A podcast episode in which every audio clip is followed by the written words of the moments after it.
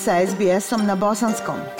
Pronađite još sjajnih priča na sbs.com.au kosacrta bosnijan.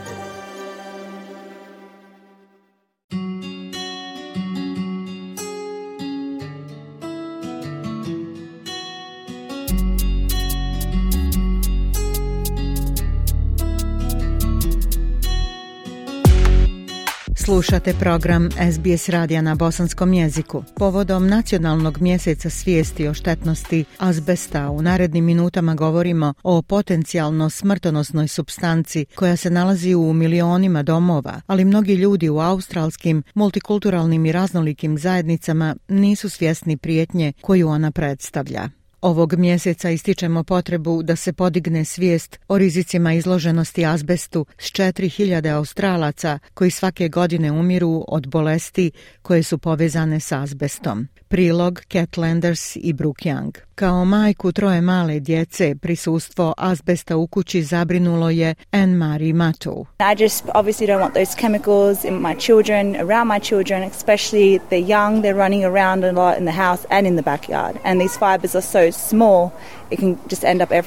oni su mali, trče okolo, puno po kući, dvorištu, a ova vlakna su tako sićušna da mogu završiti svugdje. Bio to razlog da je dogovorila inspekciju kako bi ustanovila koliko je problem raširen u njenoj kući.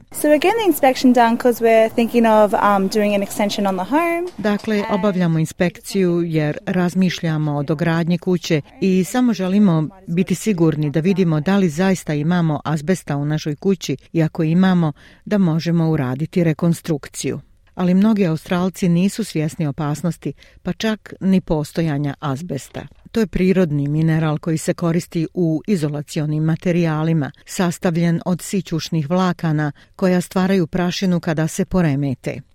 Kao što Anne-Marie Matuk kaže, čestice azbesta mogu se zadržati u plućima kada se udahnu i uzrokovati niz zdravstvenih problema. To može dovesti do karcinoma pluća, problema s plućima i do mnogo bolesti. Još uvijek ne znamo koliko azbest može uzrokovati štete, tako da čak i mala količina može uzrokovati neku vrstu oštećenja. Upotreba azbesta u građevinarstvu dostigla je vrhunac 70. i 80. godina prije nego što su naširoko prijavljivani njegovi katastrofalni uticaj na zdravlje.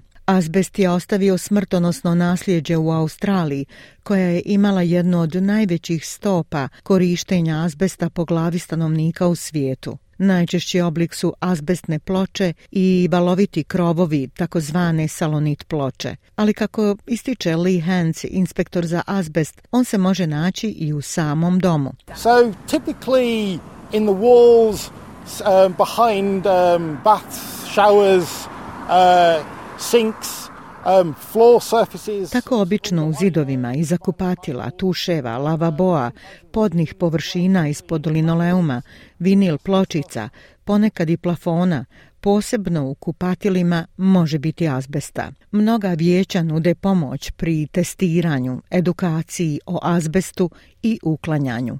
U zapadnom Sidneju gradsko vijeće Cumberlanda pruža besplatne usluge za podizanje svijesti o opasnostima azbesta među vlasnicima kuća i renovatorima – Gospodin Hans kaže da se ove inspekcije preporučuju ljudima koji razmišljaju o izgradnji svog doma. We find a lot of people start to do renovation work and then realize afterwards that they've encountered asbestos so Utvrdili smo da mnogi ljudi imaju tendenciju da rade na renoviranju, a zatim shvate da su naišli na azbest.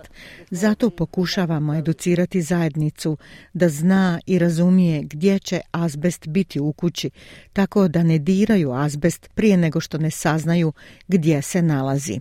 Kaže da to nije samo za sigurnost stanara, već i za sve koji potencijalno rade na renoviranju kuće. We really should get the house inspected by an occupational hygienist.